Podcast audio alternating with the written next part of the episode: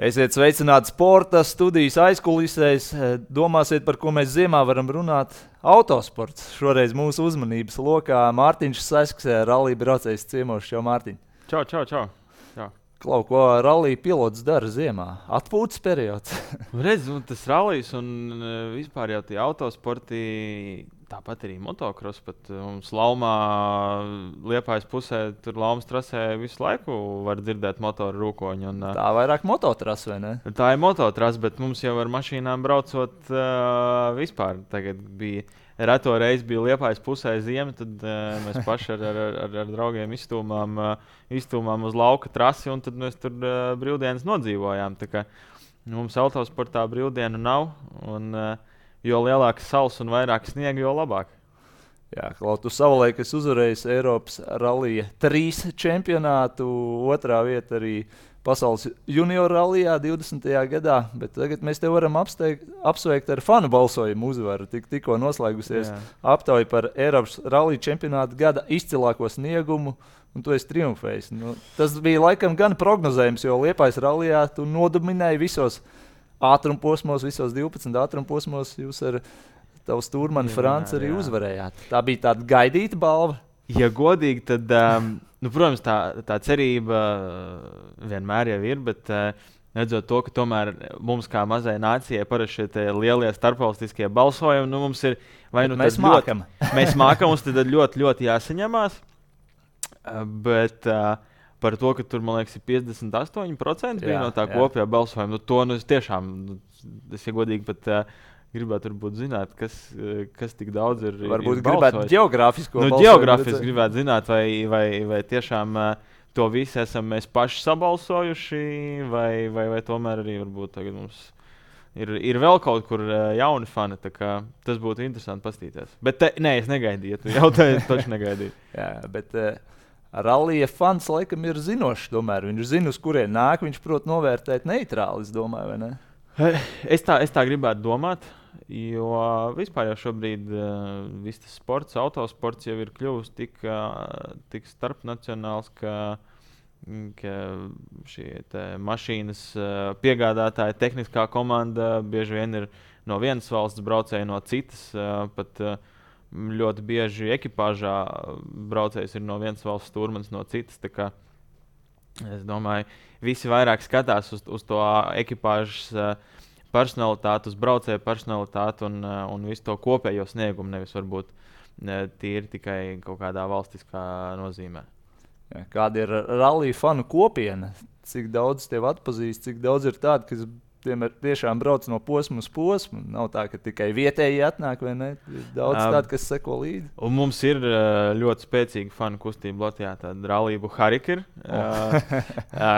tādi tiešām džeki, kas, kas ļoti nopietni pieiet. Ir ļoti daudz īstenībā pat bildes kaut kur varētu atrast. Uh, kur viņi ir ar milzīgiem Latvijas karogiem. Viņi tos Latvijas karogus ir salikuši tādās vietās, kur bieži vien tur VRC televīzija ir, ir dusmīga, jo tur no aizsedz kaut kādus lielos sponsorus vai ko. Bet jā, parasti ir eh, tāds viens, man liekas, tas sanāk 5 reizes 10 Latvijas izmēra karogs. Oh. Un viņi tur ir uh, pāri, pāri ceļam, viņu pārlikuši tā, nu, ka tur uztaisīja vēl tādas alējas ar, ar, ar karogiem. Pašiem braucējiem piedod, netraucēja ja godīgi, tad uh, pirmo reizi, kad viņi kaut ko tādu uztaisīja, bija, man liekas, kādus gadus, trīs atpakaļ Zviedrijas rallijā. Un, uh, es nezināju, ka viņi tur būs. Un, protams, tu brauc Zviedrijā, mežā, un pēkšņi tu brauc pa kādu 100 metrus, 200 metrus garu Latvijas karo galā. Protams, ka tur vienkārši uz rosādu uznāk tā, ka pēc tam bija jāsavācās, lai varētu normāli turpināt braukt. Bet, um, jā, tas parāda to, ka tomēr mums tie fani uh, ir, un tie fani jau ne tikai ir, ir mūsu vispār tas, tas sports, uh, sports un autorālijas, viņš jau tomēr aizrauja. Tas tāds uh, arī faniem vesels vairāku dienu piedzīvojums, kur tas nav tā, ka tu aizbrauc uh, uz, uz, uz arēnu un tev viss tiek pienests. Tev tomēr ir, ir pašam jāplāno, jāceļo, tev ir jādomā, kur tu paliksi starp sacensību dienām, jo bieži vien jau tas uh, pats rālijs arī notiek tādā veidā nu, diezgan, diezgan plašā reģionā. Un tad tev ir jāizplāno, kur tu paliksi, kur tu ēdīsi, kur jūs visi patusēsieties pēc tam uh, fanu vakarā. Un, uh, Es domāju, un cik es dzirdēju, jebkurš uh, cilvēks, un jau tas jaunais auto, autorālija fans, kurš kādreiz ir bijis tādā tiešām fanu, fanu pulkā aizbraucis un pirmo reizi redzējis, tad tur vienmēr ir pēc tam māķis lūpā un viņiem ir interesi tālāk. Jā, to kaut kādā mērā var salīdzināt ar riteņbraukšanu, kur ar tie posmi visu laiku mainās. Yeah. Faniem jāceļo līdzi. Jā, nu, bet man liekas, ka varbūt. Jo, es neesmu bijis uz riteņbraukšanas sacensībām, bet es pieņemu, ka noteikti rallija un autosportā tur tas tusiņš apkārt viņš ir, viņš ir daudz lielāks. Tur nu, citreiz, kad brauc garām, tur gaļas cepšanas vispārējais tur notiek un, un lieli alus kausi ir, ir līdzi. Kā, to, to sportu viņi parasti apvieno ar tādu, tādu, tādu, tādu ceļošanu, kempingu. Jā. Nu, jā, man ir jāpiezīmē, ka arī ir sanācis. Es neesmu tas lielākais rallija fans, bet man vienreiz uzaicināja jau pirms 11 gadiem uz uh, Somijas rallija. Nu, tas ir eh, leģendāri. Tur tā pasākuma kultūra ir interesanta. Iepriekšējā vakarā jau tu zini, kur būs tas posms, aizbrauc mežā, uzcelt telti, satiec citus latviešus. Tas pasākums tiešām ir nenormāls. Es par to vispār vēlāk gribēju runāt, bet ja mēs pieskārāmies šai tēmai liels pasākums, kas tuvojas Latvijā. Arī pasaules rallija čempionāts plānots 2024. gads. Var teikt, jau praktiski nākamais gads. Yeah.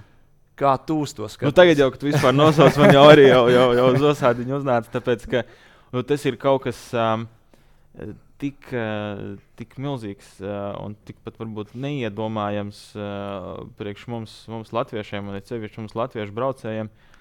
Un vēl pat manā gadījumā, ka cerams tas posms vēl, ja notiks vispār kurzemes reģionā, tad pie manis uz, jā, pie manis uz mājām atbrauc pasaules čempionāts. Um, vēl ņemot vērā to, ka, ka runājot par tieši šo ralliju liepājā, ka, ka ir tās arī tās manas saknes, kur uh, mans vecāks uh, 1965. Mm. gadā ir pirmo reizi sācis ralliju liepājā. Uh, Tad ņemot vērā to pēc uh, vairāk nekā principā, 50 uh, pāri gadiem, tad uh, ir mums uh, pašiem savs, uh, savs pasaules rallija čempionāts, kur tas izaudzis no, no maza, no maza rallija uh, pagājušajā gadsimtā līdz, uh, līdz pasaules čempionātam šobrīd. Kā tas ir iespējams? Tas ir Raimons Strokša trakums, Latvijas rallija tradīcijas. Kā tu to skaidro? Es domāju, ka tā ir tāda uh, miedarbība, jo es domāju, tās arī ir šīs tradīcijas.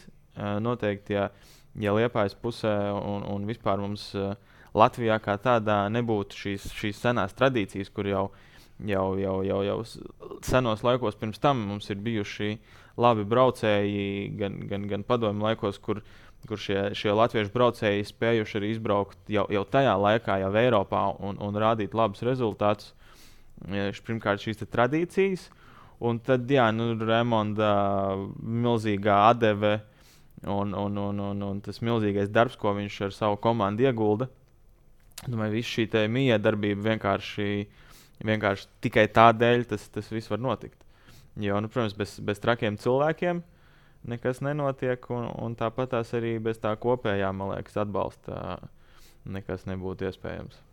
Nu, tas ir grandiozi. Lielākais, kas Latvijā ir noticis. Nu, vismaz autosportā tur vispār nav jautājumu. Bet, autosportā, nu, to, man liekas, ka mums ir pat grūti iedomāties. Nu, tie, kas ir bijuši ārzemēs, tie jau saprot. Bet Jā, nu, vispār sabiedrībai, ko tas nozīmē? Vai ne tās pāris dienu karnevāls? Nedēļas Jā, karnevāls. Nu, tas nedēļas karnevāls, kas principā nozīmē, ka tajā brīdī viss, kas notiks nu, no Rīgas līdz Liepājai šajā kurzemes reģionā, tas nu, būs tā, ka tur muģēs visapkārt. Tur būs uh, visas, visi mazie lauku krodziņi pilni, visi, visi veikali, es domāju, būs, būs tur izpirkti. Jo, jo ja ņem kaut vai tādus pašus, kas ir jau, jau, jau gadu desmitiem ilgi, kā piemēram Somijas VRC, par kur tu minēji. Mm -hmm. nu, tu man piekritīs, tur pirms iepriekšējā vakarā tur mežs ir pilns ar, ar, ar skatītājiem, nu, kuri brauc un traki. dzīvo. Un, mm -hmm. un tas pats arī, domāju, vispār tam mūsu reģionam, tāds pasaules čempionāts.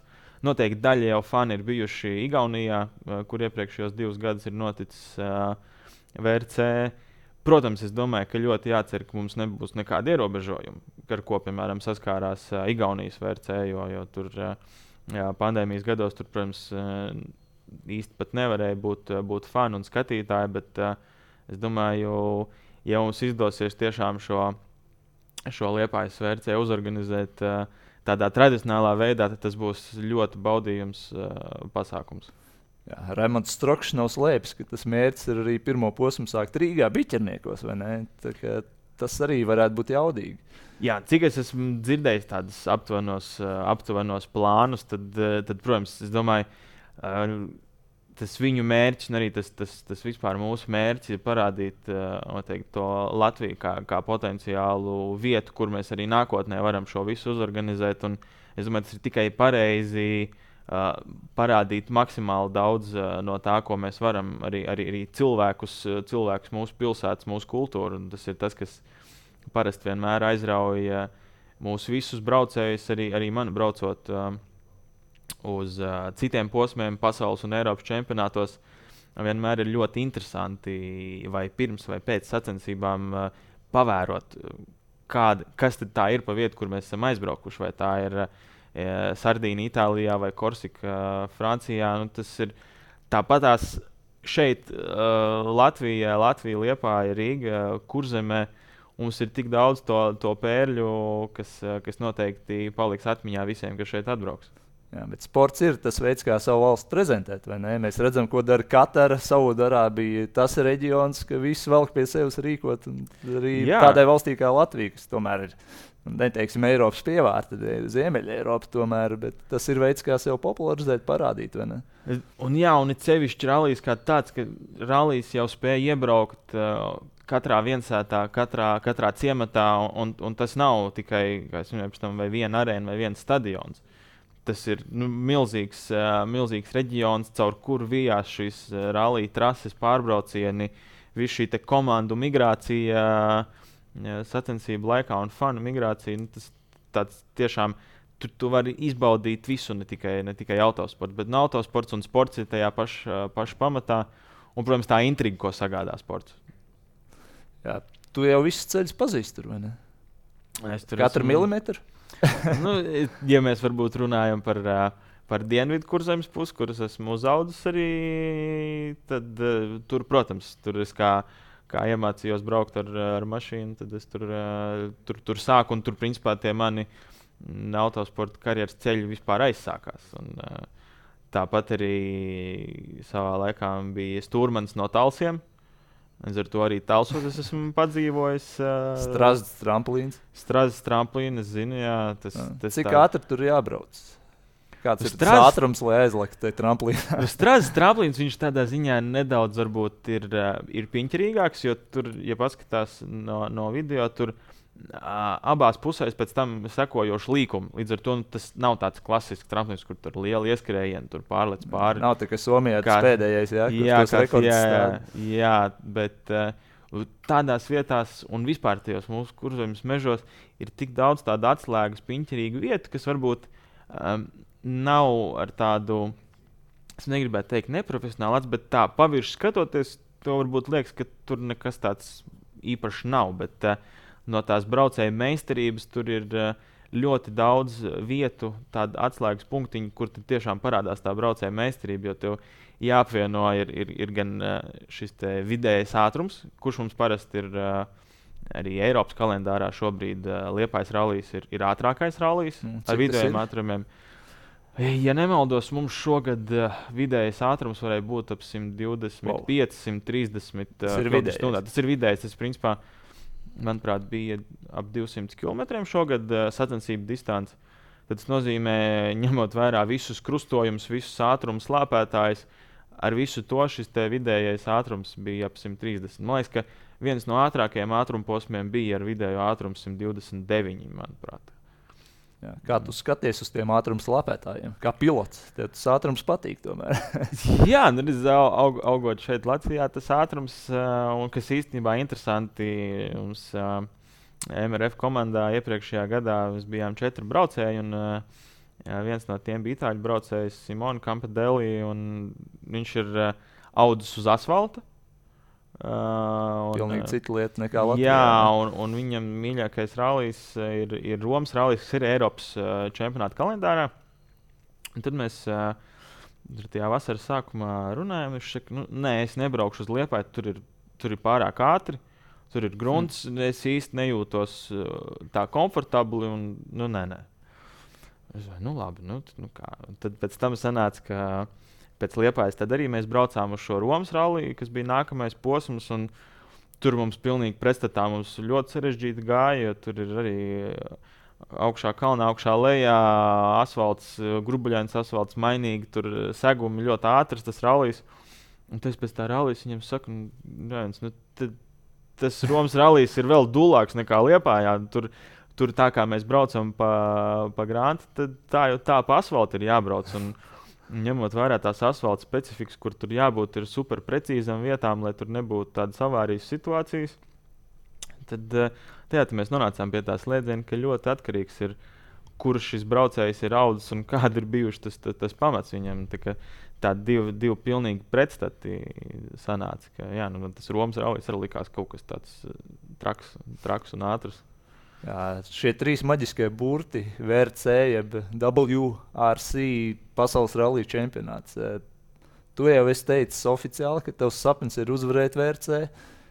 Cik liela ir iespēja, ka mēs tev nu, pēc pusotra gada redzam vismaz vienā posmā? Uh, pasaules junior čempionātu mēs arī gandrīz uh, vinējām. Tur, tas kā, tur bija JVRC, viens burts vairāk. bet, uh, jā, protams, tas, tas sapnis jau, bet, varbūt ne sapnis, bet mērķis būtu uh, startēt, startēt VRC čempionātā, atgriezties, bet nu, atgriezties šajā te, vai vismaz VRC divu kategorijā, kur brauc ar, ar šādām pašām mašīnām kā Eiropas čempionāta augstākajā klasē. Un, uh, Tur arī šobrīd, tajā VRC2 klasē, pat šī konkurence ir, ir daudz augstāka. Tur šie braucēji ir, ir vairāk un, un, un, un, un, un tas blīvāks. Bet, bet, protams, nobraukt sacensības ar, ar, ar kārtīgu VRC automašīnu mm, pasaules čempionāta posmā, tas būtu tāds, uh, tāds sapnis. Bet tas ir dārgi. Laikam. Tas ir dārgi, uh, protams. Bet es domāju, ka ņemot vērā mūsu latviešu šo, šo spītību un, un, un, un to, to gribas spēku. Es domāju, ka tas ir iespējams. Cik? To. Cik? es negribu spekulēt, man nu, tāda provizoriski varbūt man tāda sajūta. Iekavus vismaz iedod no līdzi. Man tāda sajūta, ka to varētu tas tā pat tīri finansiāli man šobrīd nav pat pilnīgi mm. nejausmas, bet uh, katrā ziņā es domāju, ka tas jau ne tikai atdurās pret finansiālo, jo šajās pasaules čempionāta komandās tās vietas, komandā ir tik, cik tās vietas ir. Un, uh, protams, uh, nemaz tik viegli tur nav tikt. Tas nenozīmē tā, ka tu aizēji ar lielu koferīti un saki, es gribu braukt. Īsti tā jau nemaz tur, tur nekādīgi netiks iekšā. Līdz ar to es domāju, ja mēs uh, šajā gadā un arī varbūt nākamā gada sākumā sev pierādām, kā, kā spēcīgu un potenciālu uh, ekipāžu, kas var, kas var uzvarēt un kas var cīnīties ne tikai Eiropā, bet arī pasaulē, tad es gribētu teikt, ka tas nav nekas neiespējams. Un ar, ar latviešu rallija fanu uzņēmēju un, un, un, un visiem citiem atbalstiem, es domāju, ka tas pat būtu iespējams. Bet tas ir jēdzīgi to visu ieguldīt vienā sacensībā. Nu, katrā ziņā ar prātu skatoties. ar prātu skatoties, protams, tas ir, tas ir milzīgs, milzīgs tāds, tāds risks. Tāpat arī risks īstenībā bija mums šajā iepriekšējā gadā startēt uh, Eiropas posmā Liepājā, jo mēs mm. sezonu sākām uh, zemākas kategorijas klasē. Jā, tad uz kurš pārsēdāties jā, jaudīgāk, ja? jā, kur principā šīs arī sezonas izmaksas bija nu, trīs reizes zemākas uh, un saprotamākas. Un tad arī mēs, protams, uh, bez tāda liela atbalsta uh, iestrādājām šajā liepājas posmā. Un tas tomēr pavēra, šis labais rezultāts mums pavēra daudz, daudz plašāk tās durvis šajā Eiropas čempionāta kopējā skatā. Līdz ar to nu, tas tomēr ir tāda, tāda veiksmes spēle, bet risks ja var attaisnoties. Risks jā. var attaisnoties, un, un, protams, tam riskam jābūt izvērtētam. Bet noteikti, ja ir kaut vai mazākā iespēja uh, to izdarīt, es domāju, ka Latvijas uh, VRC komandā un uh, Latvijas VRC mašīnā, Latvijas posmā, tas eh, varētu būt kaut kas, kaut kas grandios, un, un nekas tāds noteikti vēl nav bijis. Un, eh, un tā varētu būt tāda lieta, ko varētu sasniegt. Jā, bet ir jau tāds skats ar nākotnes vīziju uz to 24. gadu. Varbūt konkrēti tik ātri nav iespējams rallija neko izplānot. Iespējams, gadījumā, bet... un, un vispār jau rallijā un jebkurā sportā. Man liekas, ka šobrīd vispār dzīvē pēc šiem, pēc šiem pēdējiem gadiem neko tu nevari īsti izplānot vairāk par, par kādu pusgadu, jo tu īsti nezini, kas un kā notiks. Šobrīd tas mūsu galvenais akcents ir, ir Eiropas rallija čempionāts šajā 23. gadā. Un, ja mums viss izdodas un mēs veiksmīgi martā sākam startēt šajā čempionātā, tad jau, protams, ar rezultātiem un, un turpmāko darbu, tad mēs varam lēnām fokusēties uz, uz, uz jau 24. un tālāk. Bet uh, es tādā ziņā esmu piesardzīgs, kamēr nav iesākusies uh, šī sezona un kamēr šī sezona nav, nav jau teiksim, tā nostiprinājusies, tad uh, plānot uh, tādu nākotni diezgan neprātīgi. Bet kāda nākotne izskatās? MRF komanda bija tas, kur tu brauc iepriekš. Pastāst vispār par šo sponsoru piesaisti, par arī MRF. Tev ir redzama uz jakas viss kaut kas yeah. no sponsoriem sazīmēts, bet kas, piemēram, ir tā MRF. Es saprotu, Jā. ka tur ir Āzijā saknes pat meklējums. Jā, MRF komanda ir um, cēlusies no, no Indijas. Uh, MRF ir uh, lielākais riepu ražotājs Indijā. Uh, desmitais lielākais ražotājs pasaulē riepām. Un, uh, šī ir tāda milzīga, milzīga kompānija ar uh, vairāk nekā 20,000 darbiniekiem. Uh, kas principā nozīmē, nu, ka mums tāda normāla bet līmeņa. Līdz viņiem nokļūt. Normāla līmeņa pilsēta Latvijā ir tikai tik, cik viņiem darbinieki. Bet, uh, tas arī sākās tomēr ar tādu, arī varētu teikt, risku, jo, jo šajā iepriekšējā gadā iepriekšējais posms pirms, pirms Liepājas RC un, un arī Liepājas RC bija tāds, ka mums šīs sarunas bija. Mēs bijām tādā situācijā, ka uh, mums jebkurš atbalsts, kā arī šobrīd, jebkurš der. Un mums tas atbalsts sākās ar vienkārši ar, ar riepām, priekštreniņiem, un, un, un, un tur riepas par, par, par, par mazāku cenu vai par brīvu tiek iedotas. Nu, kas man tajā brīdī, man nekāds cits alternatīvs nav, un es ņemu to, kas man ir. Mm, un tad, tad jā, vārds pa vārdam, darbs pa darbam. Un, šajā liepājas uh, RC mēs uh, arī šī uzvara viņiem bija uh, grandioza. Protams, uzvarēt visus 12 ātruma posmus un tur ierakstīt uh, to vēstures grāmatā, ka tas atkārtots tikai uh, divas reizes. Ir. Uh, Sebastians Lēps. Jā, Sebastians Lēps un mēs. Un līdz ar to, ja tur ir vēl MRF un vispārējie partneri un sponsori, tad, tad loģiski, ka tās ir tās lietas, pēc kurām uh, varbūt netiecamies, bet kurām, par kurām ir patīkami pēc tam atcerēties.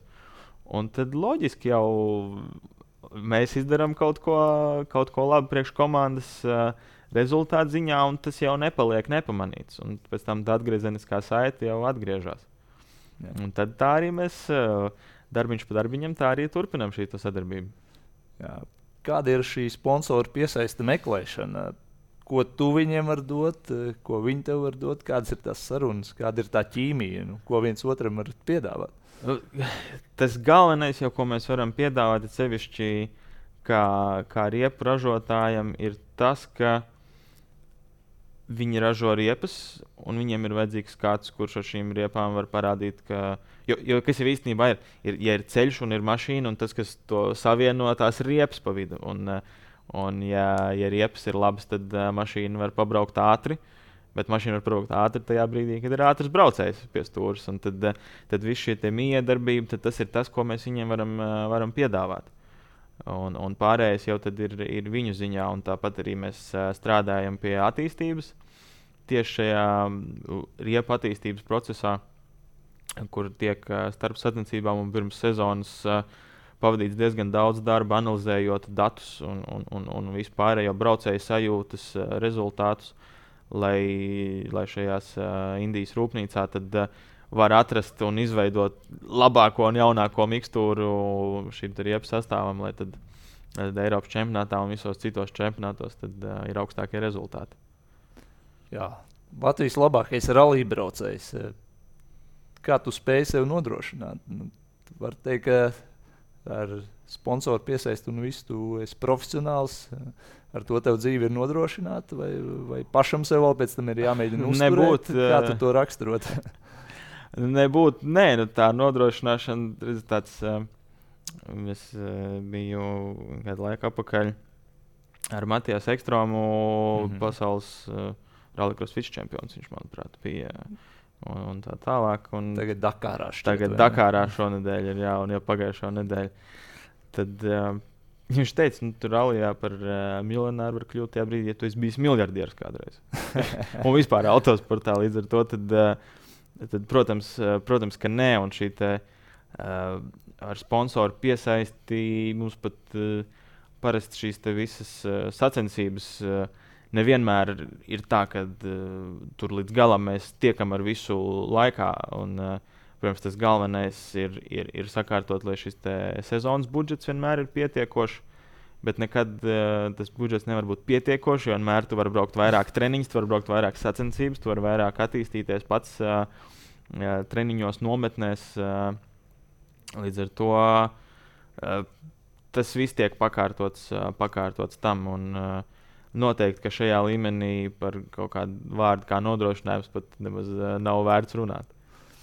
Jā, bet kā tas tavs stāsts sākās? Jo citos sporta veidos vien, vienmēr saka, ka tev vecāks, vecāki, tēvs, vectēvs ir bijuši hokejisti, tad tev arī nav citu variantu. Tavā gadījumā arī ir tas pats tēvs, vectēvs brauc, brauc rallijā. Kāda tev bija tā izvēle bērnībā? Jā, un kā jau es minēju, tad 1965. gads bija tas gads, kad uh, mans vectēvs izveidoja rallija dzīvi Lietpājā. Jā, pirmās, pirmo ralliju, kur zem tajā laikā saucās. Un, uh, protams, pēc tam jau bija tā, ka gan tēvs sāk braukt, un tad es uh, uzaugu tajā rallija apritē. Uh, nebija tā, ka tas varbūt bija kaut kas, kaut kas uzspiests vai, vai kā tam līdzīgi.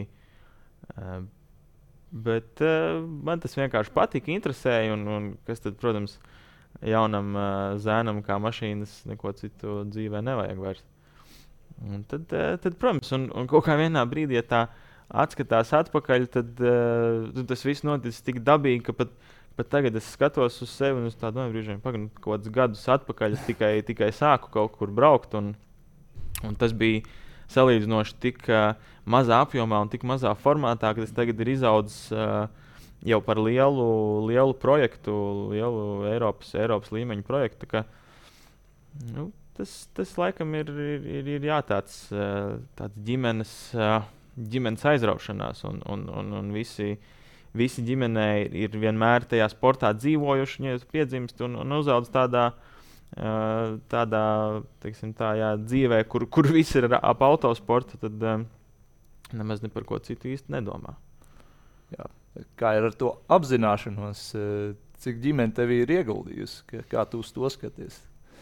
Uh, tas, protams, ir tāds. Uh, neiz... To pat varbūt nevar arī tā izmērīt, jo, jo es domāju, vairāk uh, nu, it sevišķi tur tētim un mammai tie uh, kaut kādas pirmie matu un negulētās uh, naktis un, un uztraukumi. Es domāju, ka tas ir tas pats, tas pats dārgākais, ko viņi ir, ko viņi ir no sevis ziedo, ziedojuši. Un, jā, kā, protams, bez tāda, bez tāda ģimenes atbalsta nekas nenotiek. Un, Un es domāju, ka nevienā sportā, ne tikai autosportā, neņemot vērā to, ka autosports jā, ir viens no dārgākajiem sportiem, bet eh, jā, ne, jau, ne jau tajās finansēs vienmēr ir tā.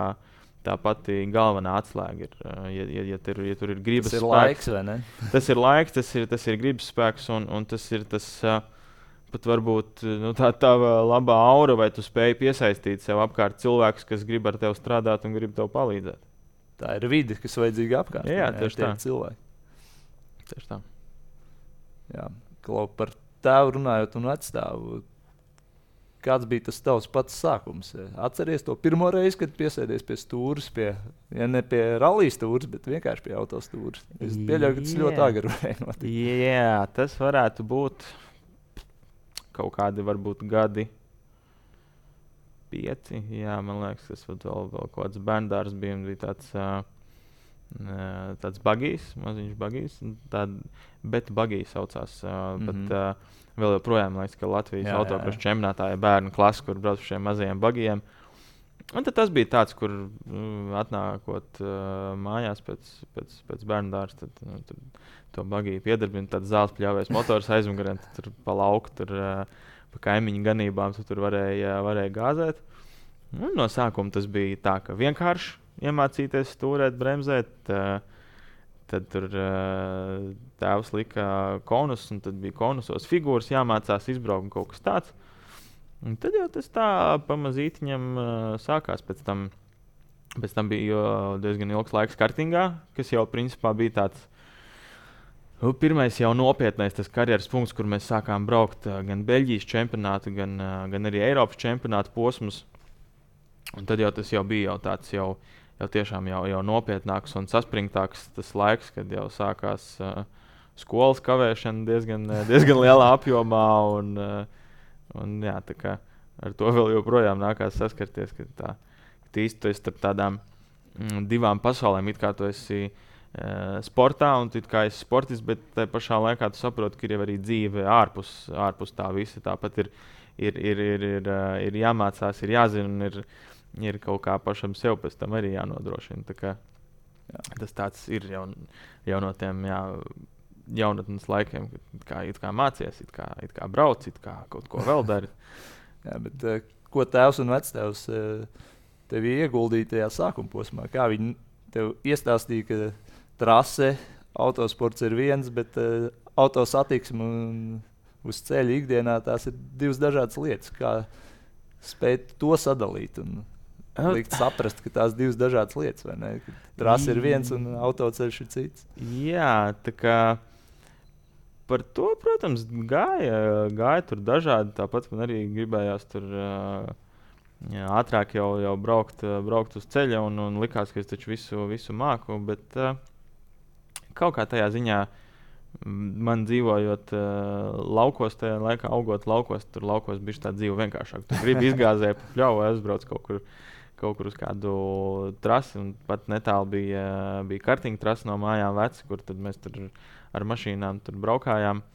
Un ar to tad, uh, varēja, varēja diezgan ātri, ātri piešauties. Un tiklīdz kā varēja šo mācību braukšanas atļauju dabūt, tad uh, tas man liekas bija viss. Es kopš tā laika visu laiku esmu likts pie stūres. Man bija jāmācās un, un jāklausās vecākā tēvā, kā tad ātrāk pa liepā ir ne ātrāk, bet pareizāk un ergonomiskāk jāizbrauc caur pilsētu un ka nedrīkst uh, ātri bremzēt un nedrīkst uh, gāzēt. Tad... Bet tiešām tu tik apzinīgs esi? Vai? Nu, nē, noteikti jau ka nē. Vienkārši atkal jau tur ir tā, tā otrā puse. Ir viena puse, kur, kur, kur tu mācies braukt ar, ar, ar, ar vecākiem, un tā otra puse, kur tad, kur tad neviens īsti nezina, kā tur ir, ko tikai pats zina. Ko tu vari izstāstīt no tā, ko tikai pats zini? e, nu, Tāpatās jau nu, trakākie atgadījumi. Tad, no tiem, ko var stāstīt. Tad trakākie atgadījumi nekas jau tāds super traks nav, bet uh, tāpat tik līdz uzsniegt kaut kāds uh, pirmais sniedziņš uz lauka ciematā, tad jau, protams, ka tur visi, visi pārējie draugi arī pamostās, un tad mēs tur paši gan taisām uh, trases uz, uh, uz laukiem, gan uh, uz pļavām, gan, gan kaut kur citur pagāzējam. Bet, uh, Tad, tad super traka atgadījuma pat, uh, pat laikam nav. Mēs vairāk tā vienmēr esam to, to risku apzinājušies, jo arī apkārt vienmēr, kas esmu audzis, uh, ir bijuši šie draugi, kur arī ir, ir, ir braukuši autosportā un kuriem ir šī sacensību pieredze.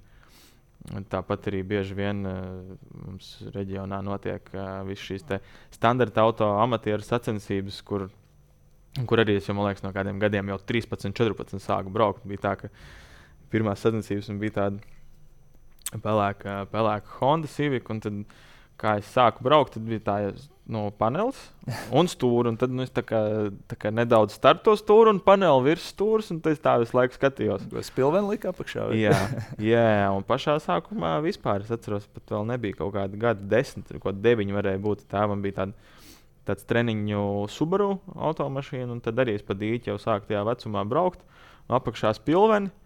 Un tad, eh, jā, starp stūri un paneli skaties un tik stūrē. Jā, ko tu piemini daudz liepāju, laukus, apliepāju. Liepā vispār traki autosportisti, Robīvorks, kas yeah. trakas lietas dara. Jā, mēs tāpat kaut kādas dūles lietas ik pa laikam uh, izpildām. Uh, Klau, viņiem bija arī tas stigam līdzīgais vīrs, kas ķiverē jā. bez sejas viesojās. Jā. Tev ir aizdomas, kas tas varētu būt. Ja godīgi nav ne jausmas. Tu nezini? Es tiešām nezināšu. Es tiešām nezināšu to atbildi, jo, protams, mēs ar uh, Robīvorks uh, daudz visādus projektus. Uh, tāpat arī mums bija šogad mēs ar Rozā Fiat Multiple karostas minierālijā piedalījāmies. Un, tāpat arī tagad šajā ziemā tur pabraukājām kopā, jo gan viņi tur aizraujās tur ar, ar visādām mašīnām, tāpat arī, tāpat arī es. Un tad mēs tur pagāzējām pa, pa liepājas pievārds ganībām. Jā, bet par to stīgu tad tiešām tu neko nezini. Nav, nebūs nejausmas, godīgi. Bet tas esot liepainieks arī. Tad ir. Eh, es, es, ja godīgi, neesmu pat tā līdz galam arī jautājis. Viņš arī tā vienmēr izvairīgi atbild, eh, kas tas ir par, par braucēju. Bet, eh, es ja domāju, ja, ja tā paskatītos un sarakstītu, noteikti jau nemaz nav tik daudz to braucēju kas ir, kas ir Lietpājā.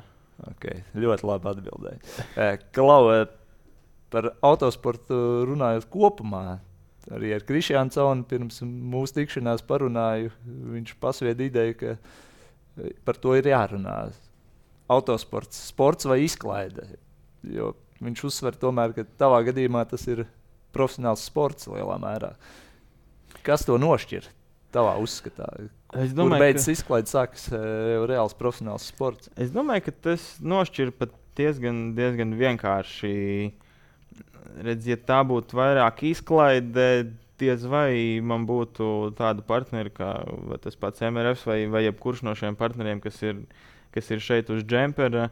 Jo viņi jau mani neatbalsta izklaidēji. Viņi atbalsta, atbalsta rezultātam, atbalsta izaugsmē. Tā, uh, tā izklaide noteikti sākās tajā brīdī, ja tu pats spēji ar saviem līdzekļiem nodrošināt sev, sev iespēju piekdienas, sestdienas, svētdienas aizbraukt uz Alūksnes ralliju nākamā nedēļa un vienkārši nostartēt. Uh, savam, savam priekam, kur tu nedomā par kaut kādiem īpašiem rezultātiem. Tajā brīdī, jā, tā ir izklaide, un, un tas, ir, tas ir pilnīgi normāli. Tāpat tās kā uh, aiziet uh, basketbolu, uzspēlēt uh, kaut kādā savu uh, draugu, draugu lokā un draugu līgā. Un pilnīgi cits ir, ir, ir darīt to profesionāli. Tā kā es domāju, tas vairāk ir tas attieksmes jautājums. Un, uh, protams, jā, ir par autosportu ir tā, ka to bieži vien mēģina kaut kādā brīdī uh, pat nejaukt, bet nu, tā uztver ir, jā, ka tas tomēr ir tāds, uh, tāds diezgan uh, finanšu ietilpīgs, uh, ietilpīgs pasākums, bet uh, tas ir, domāju, vairāk attieksmes jautājums. Jā. Jā. Kāda ir tā tā ikdiena? Fiziskie treniņi, braukšanas treniņi. Cik uh, liels uzsvars tam ir likt? Uh, es atceros, kad vēl sāku braukt, salīdzinoši tur bija Latvijas čempionāts un tā tālāk, ka bija dažādas tās uh, priekšpiedziņas mašīnas arī, arī mums garažā. Un, uh, es atceros, gan, gan, gan treneris, gan tēvs teica, ka nu, tagad ir tagad brauc, kamēr tu vari. Jo tad, kad kāps augstāk par šīm karjeras kāpnēm, tad šie treniņi būs ar vien mazāk un sarežģītāki. Man tajā brīdī likās, nu, ko jūs izdomājat, nu, tā nevar būt. Bet tad šobrīd tā ir, ka, ka katrs tas treniņš un, un, un katra tā iespēja būt mašīnā, viņi arī sevišķi mūsu, mūsu variantā ir, ir ļoti jāizmanto. Jo, tas ir dārdzības dēļ? Tas ir, tas ir tieši dārdzības un, un pat sarežģītības dēļ. Jo, redz, lai tādu vienu organizēšanu, treniņu, organizēšanu lai tādu vienu treniņu, piemēram, šobrīd uzorganizētu. Uh, tur ir pirmkārt jāpieslēdz uh, gan federācija, gan organizatori, kas jāslēdz, varam, ceļ, jāslēdz jā. ceļš. Tas jau mm -hmm. vien ir viena atsevišķa lieta. Tad ir šī pati automašīna. Nu, ja, ja, ja tas kā mūsu variantā, tas ir sadarbībā ar kādu komandu, tad nu, šai, šai visai komandai ir, ir, ir visi šie resursi, mašīnu sagatavot, uh, inženieru darbi, mehāniķu darbi, visu tā koordinēšana tas ir tāds sarežģīts uh, tomēr tas process. Un, ja arī to, to sāk darīt, tad uh, arī tam, tam treniņu procesam, tai vienai dienai ir jābūt. Uh, Parasti tās ir kaut kādas 6 līdz 8 stundas, kad mēs vienā dienā tur, tur trenējamies. Tur ir jāiziet ļoti daudz visādiem punktiem cauri ar inženieru, par mašīnas tehniku un man par braukšanu ar treneru. Jā, tie, tie treniņi nav pārāk bieži. Bet tāpat bieži vien pavizinos tāpat ne ar supersporta automašīnām. Tur ir tāds uh, bambītis pussports, kur tu vari aizbraukt uz kādu trasīti.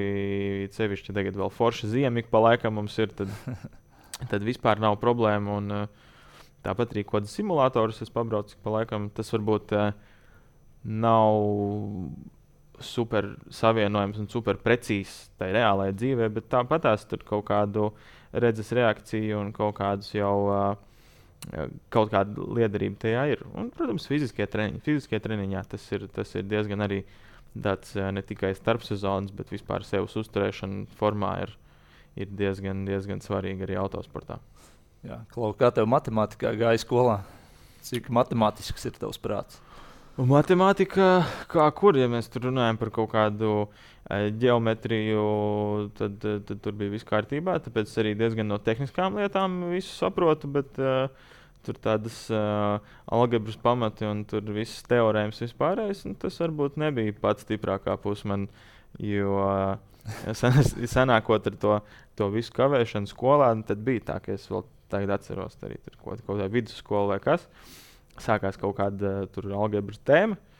Pirmām divām, trīs stundām tu esi, tad uh, divas nedēļas tu esi projām, tad atbrauc mājās un tad ir kaut kāds kontroldarbs. Un, nu, tu, tā, tu zini, ko tur pamatus, kā tur kaut kādi vieglākos uzdevumus, kur parasti nezinu, tur divus punktus dod par uzdevumu, to tu zini, kā izpildīt. Tad, kad mm -hmm. dod, dod uzdevumu, kur ir pieci vai seši punkti, nu, tur es sēžu, man nav nejausmas, kas tur, kas tur ir.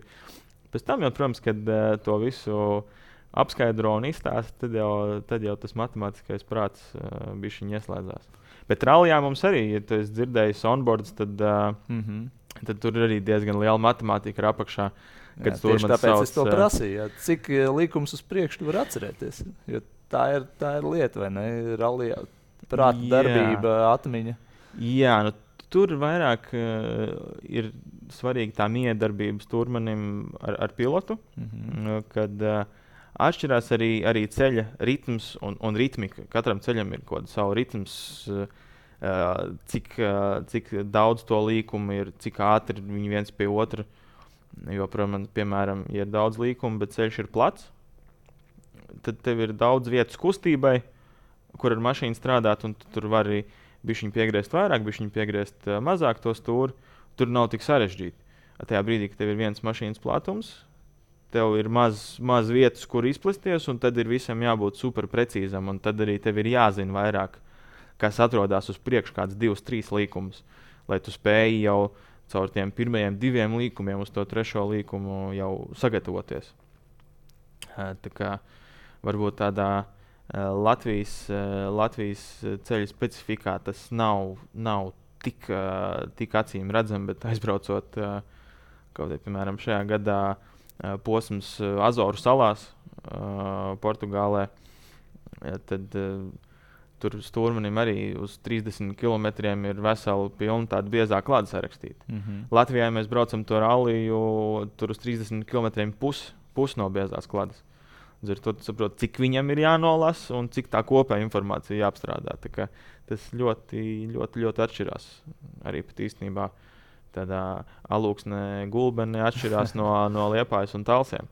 Jā, bet kā notiek prāta trenēšana, tas ir atsevišķi jāattīst. Jo, zin, kā, kad tu sāc nogurt, tad arī mm. prāts lēnāk strādā. Jā, mēs to, to trenējam. Mēs arī, piemēram, fiziskajos treniņos tam ik pa laikam pievēršam uzmanību, cenšamies imitēt šos augstā pulsa apstākļus, braucot. Un arī tur, piemēram, ir kaut kāds uh, vingrinājums, kur tu uzcēl savu pulsu, un tad tajā brīdī treneris nosēdina un liek tur kaut kādus ciparus meklēt, vai arī reizrēķinu vai skaitīt. Un tāpat arī citreiz šo te, vingrinājumu laikā arī tas pats notiek. Vai tur ir kaut kāda bumbu, svaru bumbu mētāšana vai kas. Tad treneris arī pienāk klāt ar kaut kādu tabulu, un tad liek, liek tur skaitīt, domāt, rēķināt. Un tad, tad ir tā, ka, ja, piemēram, tur šo vingrinājumu sākumā tu to savu koncentrēšanās spēju spēj noturēt uz 20 sekundēm, tad, uh, protams, ar vien vairāk trenēties, tu vari izdarīt 40 sekundes vai pat minūti. Mm. Jā, klau, par bailēm runājot. Ir. Tas, tas arī ir izstāstīts. Ir. Viņas ir. Viņas ir. Jā, ja, piemēram, tas Monte Carlo piemērs, kad tur ir tā klints vai ne. Jā. Kā to spēt izslēgt no galvas? Jo es saprotu, ka tev kā rallija pilotam tajā situācijā, ka tur ir ļoti bīstami apstākļi un klints priekšā, tev ir jābrauc it kā tu brauc pa pļavu. Kā, kā ar to strādāt, kā tās bailes izslēgt? Ar tām bailēm tā, tā ļoti interesanti. Un, uh, Tas vairāk ir, ir tajā brīdī, kad tā tā apziņa cīnās ar zemapziņu. Jo it kā apziņā tu saproti, ka tu esi gatavojies, trenējies, eh, tev ir uzrakstīts stenogramma, tev mašīna, viss ir kārtībā, un tev ir tikai jābrauc. Bet uh, zemapziņā jau tomēr krājās kaut kādas tās iepriekšējās vai neveiksmes vai avārijas. Bieži vien ir tā, ka no tādām uh, smagākām avārijām bieži vien braucēji vai nu tur ir, ir reizes, kad to var izslēgt no galvas. Tur divu, trīs treniņu laikā, vai tur viena sacensība, un viss pēc tam atkal ir kārtībā. Protams, ir brīži, kur mēs esam redzējuši kaut kādas tādas daudz, daudz smagākas avārijas. Protams, braucējiem pēc tam paiet ilgāks laiks, ilgāks laiks lai atkoptos. Varbūt tas nenozīmē uzreiz, ka viņš no top 3 braucēja kļūst par top 15 braucēju. Bet nu, viņam ir tā, ka ieslēdzas kaut kāda vairāk tā drošība. Man pašam tā ir bijis, ka ir kāda pusotra sezona, kur it kā tu esi formā, bet nu, tu esi formā uz kaut kādiem 75, 80%, nevis uz 90%. Un tad, protams, tajās rallija beigās tu esi uz to zaudējis kādas 20 sekundes. Un tad tev atšķirās, vai tu esi čempions, vai tur ceturtais vai trešais. Jā. Kā tev ir ar šo avāriju faktoru? Jo tev Viņš... pietiekami bieži traki tas gadās. Nu, labi, tas biežums ir vēl diskutējams jautājums. Biežums, bet... biežums tas tā, ja tur paskatās, uh, paskatās vairāk tādas datu bāzes, tad uh, salīdzinoši mēs diezgan, uh, diezgan daudz pa ceļu braucam. Mm -hmm. bet, uh, bet es saprotu, runājot arī ar stūrmaņiem. Uh, ja tu avārē, tad diezgan traki. Mm, Bet kā, kā tev ir pēc tam ar to izslēgšanu, ko tu minēji? Cik tas, tu tas, pēc tam, tas pēc tam ir tāds, tas pēc tam ir tāds jautājums, jā, ka tā laikam ir tādas, tādas mazas avārijas. Nu, viņas pat varbūt rallija bieži vien tur neskaita par avārijām, ja tu iebrauc tur grāvī vai uz kaut kāda sāna apkritis vai, vai kā. Nu, tas ir tā, ka 95% to mašīnu izvelc no grāvja un, un brauc tālāk. Bet uh, par tām avārijām ir tā, ka, ja viņas ir, tad viņas parasti vienmēr ir tādas, ka pēc tam mašīna tālāk aizbraukt uh, nevar. Un, uh, protams, ir tā, ka pēc tam paiet diezgan vērā ņemams laiks, uh, lai pirmkārt uh, to visu izanalizētu, sev galvā to nostādītu un, un saprastu tos cēloņus, faktorus vispārējo. Un tad pēc tam, jā, lai, lai, lai to atgūtos, jo Ir jau kā, piemēram, tie konkurenti, kur tajā brīdī progresē, progresē, progresē. Viņi jau kāpj uz augšu, un tu esi pakritis zemāk. Un tev pēc tam diezgan liels tas, tas gaps, kurš tev ir principā jāsarauj. Un tad, tad tur paiet, paiet laiks, kamēr tu vismaz pietuvojies ar tiem saviem konkurentiem. Mm -hmm. Jā. Kāda ir tā tava zelta metode? Tādas nav. nav. Tādas nav. Tas nav tā, ka vienā dienā apsēdies. Uh, padomā, un, un, un, un viss, ir, viss ir kārtībā. Tur, tas tā ļoti individuāli bieži vien liekas, ka tūlītās jau viss būs tā, kā jābūt, un tad uh, tev atsēdina apakaļ.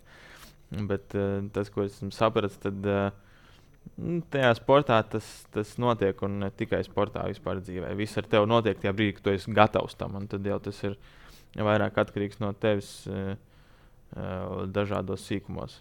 Jā, tu pats tā, ar sevi tā... strādā vai? Arī man ir, protams, izmanto? protams arī, arī, arī sports psihologi un psihologi, kas, manuprāt, mūsdienu sportā un vispār mūsdienās tā, tā nav lieta, no kā būtu jāizvairās. Tā ir vairāk, vairāk tieši, manuprāt, lieta, ar ko tu vari sev pilnveidot un, un ar, ar ko tu vari to, to savu rezultātu tālāk, tālāk padarīt labāku. Jo, nu, jebkuram sportistam šajā šajā brīdī, kad viņš ir savā karjeras, uh, karjeras vai, vai, vai kāpj uz virsotni, vai jau ir. Un tev ir vajadzīgi apkārt cilvēki, kas tev, kas tev palīdz. Jo, jo bieži vien jau šis blakus cilvēks redz daudzas daudz lietas, kuras tu pats, uh, pats neredzi no savas skatu punkta. Jā, tavs treneris Ulris Briedis. Jā. Uh, arī viņš ir saprot, ļoti svarīgs sastāvdaļa tavā ikdienā, sporta ziņā, ne tikai treniņos es varu teikt, ka viņš ir tev uzticības persona un cik daudz tu viņam deliģē no saviem uzdevumiem, pienākumiem. Jā, ar Ulu mēs strādājam jau principā. Šis varētu būt astotais gads, ir sācies. Jā. Un, eh, protams, šajā brīdī, kad tu strādā eh, jau tik ilgi kopā, tur ir tādas lietas, kas notiek pilnīgi automātiski. Un, eh, un tas pats svarīgākais darbs jau tiek izdarīts treniņos, kad mēs iesēžamies kopā mašīnā. Viņš norāda uz kādām lietām, uh, kurus vajadzētu uzlabot. Tad mēs tur kopīgi analizējam arī kaut kādus datus, vēl kopēji ar inženieri. Mm, jo vēl ir tā lieta, ka šo braukšanu, braukšanai tu vari palīdzēt ar, ar mašīnas regulēšanu, kur transmisiju piekari tu vari nedaudz pielāgot uh, savai braukšanai, ceļa apstākļiem. Un tādā veidā to kopējo rezultātu padarīt labāku, lai tu vienkārši vari ātrāk sasniegt to no, no punkta A līdz punktam B.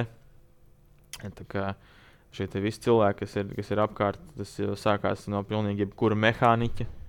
Uh, un, un jā, beidzās ar, ar, ar, ar treneru Ulu mašīnā un, un treneru ar Lakstiņu sporta zālē.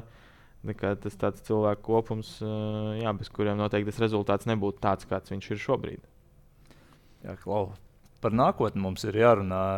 Sarunas strauji tuvojas izskaņai. Instagramā tu biji ielicis bildi no Marokas tūkstneša. Dakara sūna, jeb Dakara drīzumā parakst šai bildei. Cik tāls ir tas mērķis, vai tas vispār ir mērķis? Kā, domāju, kā uz to skatīties? Tas vairāk tāds varbūt pakacināšana šajā reizē bija. Bet, uh, bet, protams, es katru gadu ar lielu interesi skatos Dakaras rallija reidu. Jo nu, tā ir viena no tādām uh, lietām, ar ko mēs, mēs ar Krišānu Caunu esam runājuši mm -hmm. pa laikam, ka tas varētu būt kas tāds, uh, ko, ko arī ir vērts izdarīt, jo tur tomēr tu esi šīs. Te, tā čet... ir cita lieta. Tas ir, tas ir pilnīgi kaut kas cits. Uh, tas nav klasiskais rallijs. Uh, tur ir tiešām tā, ka tu vienā dienā veic ap 600-700 km. Un nu, tu tajā tūkstnesī esi atstāts uz to dienu, principā viens pats. Un tev ir jātiek galā ar to, kas tev ir tajā brīdī. Un, uh, tur, tur jau vēl, vai, vēl jau vairāk mījās tas, uh, tavs ātrums ar kaut kādu vēso aprēķinu un precizitāti. Jo tur tiklīdz iztrūkst viens no, viena no tām abām lietām, tur nu, principā seko momentāla izstāšanās, gan ko mēs varējām redzēt šogad Dakāras rallija sākumā ļoti daudz pārsvist riteņu, kas labi vienā brīdī tur nomainīt riteni. Tas ir nepilnas 2-3 minūtes tiem Dakāras džipiem, bet uh, Un, principā, tik līdz tu paliec bez rezerves riteņa, nu, tev ir jābūt pirmkārt daudz piesardzīgākam. Otrakārt, vēl viens pārsvars ritenis tev nozīmē, ka tu vienkārši izstājies tajā dienā un tad gaidi, kad tev evakuators uh, pēc vairākām stundām savāks. Klau, Dagārs rallijas tā parasti ir uh, lieta, ko pievēršās pēc karjeras beigām, teiksim tā, kad jau pilots ir pieredzējis. Uh, Tu, tu Jā. to redzi tuvākajā laikā, ka to varētu apsvērt vai tālākā nākotnē? Es to redzu vairāk tā, ka es eh, kādreiz to gribētu izdarīt. Uh, Uh, bet uh, kā un kas to, to, to radīs laiks, to radīs jā, iespējas. Tas ir bucket listā. Ja, tas īstenībā ir, tas ir, tas ir viens no, viens no uzdevuma sarakstiem, kas būtu, kas būtu ļoti interesanti. Jā, bet, jā, kā jau minēji, tur ir vajadzīga ne tikai braukšanas pieredze, tur ir vajadzīga arī, arī dzīves pieredze, ir, lai, lai, lai, lai, lai tiešām tur sasniegtu tos rezultātus. Jo, kā parasti var redzēt, visas šīs Dakāras leģendas, kā Stefans Petransels, jau Naseras Alatī un vispārējie. Mm, viņi tik ļoti vēsu prātu pieiet, piemēram, šī pirmā. Alatīna taču bija šāvējis vispār, kā arī sākumā, pēc tam pārgāja uz automašīnu. Jā, tas arī, un, un, un vairāk skatoties šo viņu vispār braukšanas taktiku, uh, ņemam vērā to, ka Dakar iet divas nedēļas, katru dienu jābrauc, tad viņš šo pirmo nedēļu viņi ļoti tā nosvērti, piezemēti brauc, nekur tur lieki neriskē. Un tad vienkārši ar, ar katru brīdi viņi tur ir uh, ar vien ātrāki, jo viņi gaida, kad visi tie pārējie, kas skrien sākumā, tiem kaut kas vienmēr notiek. Ko ļoti labi redzēt. Piemēram, deviņkārtais pasaules čempions uh, Sebastians Loips Rallijā, kur mm -hmm. viņš ir mhm. pieredzējis, ka, ka tev tomēr visu laiku, kad tu esi ātruma posmā, tev ir jābrauc uz tiem 98%. Tad, uh, tad jā, nu, parasti tās viņa, viņa Dakāras šobrīd, vēl kamēr viņš krāja to pieredzi, nu, viņas vienmēr ir ar tādām kļūdām, kaut kādām mazliet nepārdomātām avārijām mazām, kas viņu nu, atsviež pēc tam tajos rezultātos uz atpakaļ. Kā, tur ir vajadzīga, vajadzīga liela pieredze, lai, lai startētu tādās sacensībās. Jā, vēl viena lieta, kas strauji ienāk autosportā un vispār sadzīvē, elektromobīļi, hibrīdi un tā tālāk. Kā tu uz to skaties? Vai rallijā to vispār var sagaidīt tuvākajā nākotnē? Kā tas ietekmē to braukšanu? Bremzēšanu, piemēram, tādas nianses. Hibrīda auto pasaules rallija čempionātā jau ir jau no 22. gada, mm. respektīvi no pagājušā gada. Atsauksmes tur ir, ir dažādas no tiem braucējiem, bet. Um, Ko viņi saka? Kādas ir tev bijušas sarunas? Uh, tur vairāk tas stāsta par to, ka šis hibrīda uh, hibrīd motors uzlādējās no šīm bremzēšanām. Mm -hmm. nu, brauc lejā pa kalnu, to viņš tur salādējās, un tad uh, tajā brīdī, kad brauc augšā kalnā vai citur, tad notiek šī izlāde, un tad ir šis papildus jauda. Tad, uh, ko visvairāk esmu dzirdējis, ka šī jauda Eh, tu īsti nezini, kurā brīdī tev šī jauda būs. Nu, tur atnāk laikam kaut kāds paziņojums, tur uh, dashboardā, ka pēc tam pēc kaut kāda brīža viņi būs. Bet tu nevari ļoti koncentrēties uz to. Principā, vienā, jā, principā vienā brīdī tev mašīnai ir tur, uh, ap 400 zirgspēkiem, un tad, kad pieslēdzās hibrīda motors, tev ir tuvu 500. Tas jau ir milzīga, milzīga atšķirība. Un tad esot tā, ka tur brīžiem, brīžiem ir grūti grūti saprast, kurā brīdī tad, eh, tad kā būs. Bet, manuprāt, tās tehnoloģijas autosportā ir vajadzīgas. Un, un autosports jau ir viena no tām ekstrēmajām vidēm, kur uh, autoražotāji var pārbaudīt, kā strādā šie viņu izgudrojumi. Jo nekas, uh, man liekas, graujošāks tehnikai par autosportu nav, kur tiešām tu vari uh, pārbaudīt, uh, kā tas viss darbojās. Tāpat šobrīd uh, Dakārā Audi uh, brauc ar, ar elektro, elektrodzinēju, kur, protams, ir viņiem iekšā arī ir, ir maziņš benzīna ģenerators. Bet kurš, protams, salīdzinoši tos visus izmešus un vispārējo samazina un degvielas patēriņu diezgan, diezgan dramatiski. Un tāpat viņi spēja uzvarēt un, un spēja braukt, braukt uz priekšu. Man personīgi tas, tās inovācijas liekas kaut kas interesants. Uh, līdz brīdim, kamēr varbūt tas, protams, nepārņems kaut kādas maņas uh, no braucēja. Līdz kamēr nu, mēs atstāsim visu braucēju rokās, tikmēr tas viss būs uh, interesanti. Jā, Klau, pirms mēs atvedamies, kur mēs uh, Mārtiņu Sasku un Renāru Franci redzēsim nākamā sezonā? Uh, šo sezonu. Nu, šo sezonu jau šajā gadā. Jā, jā. uh, Mēs sāksim ar Latvijas čempionātu Alūksnē. Tas ir tas, ko es varu pateikt, kas ir simtprocentīgi, jo tas ir nākamajā nedēļas nogalē. Uh, Pārējais, kas, kas būs tas. Eiropas tas, čempionāts. Eiropas čempionāts, uz to mēs strādājam, uz to mēs ļoti ceram, ka tas, tas izdosies. Eiropas čempionāts sākās martā, līdz ar to mums vēl ir nedaudz laika, lai visu, visu tiešām tā piespicētu, lai mēs varētu ar drošu sirdi pateikt, ka, jā, ka šis projekts būs. Uh, Līdz ar to šobrīd ir tā, ka, ko es varu pateikt, ka jums vēl bija jāpagaida visiem, ir, līdz kamēr mēs varēsim tā droši kaut ko pateikt. Bet uh, tuvākais ir jā, Latvijas čempionāts, kas, manuprāt, uh, es ceru, ka būs alūksnē ziema. Un tad, uh, tad jau mēs varēsim alūksnē atrādīties. Jā. Labi, paldies, Mārtiņ, ka viesojies pie mums, ka veltīji laiku. Tavs novēlējums autosportistiem eh, šajā sezonā. Autosportistiem, lai, lai degvielas pietiek visiem, un jaudas pietiek, un, eh, un, un riepas pietiek visiem. Kā, lai, lai tiešām ir, ir, ir azarts šajā gadā un, un cīņas par. Paldies, Elīna, ka atnācāt. Paldies, ka skatījāties un tiekamies jau nākamajās sporta studijas aizkulisēs.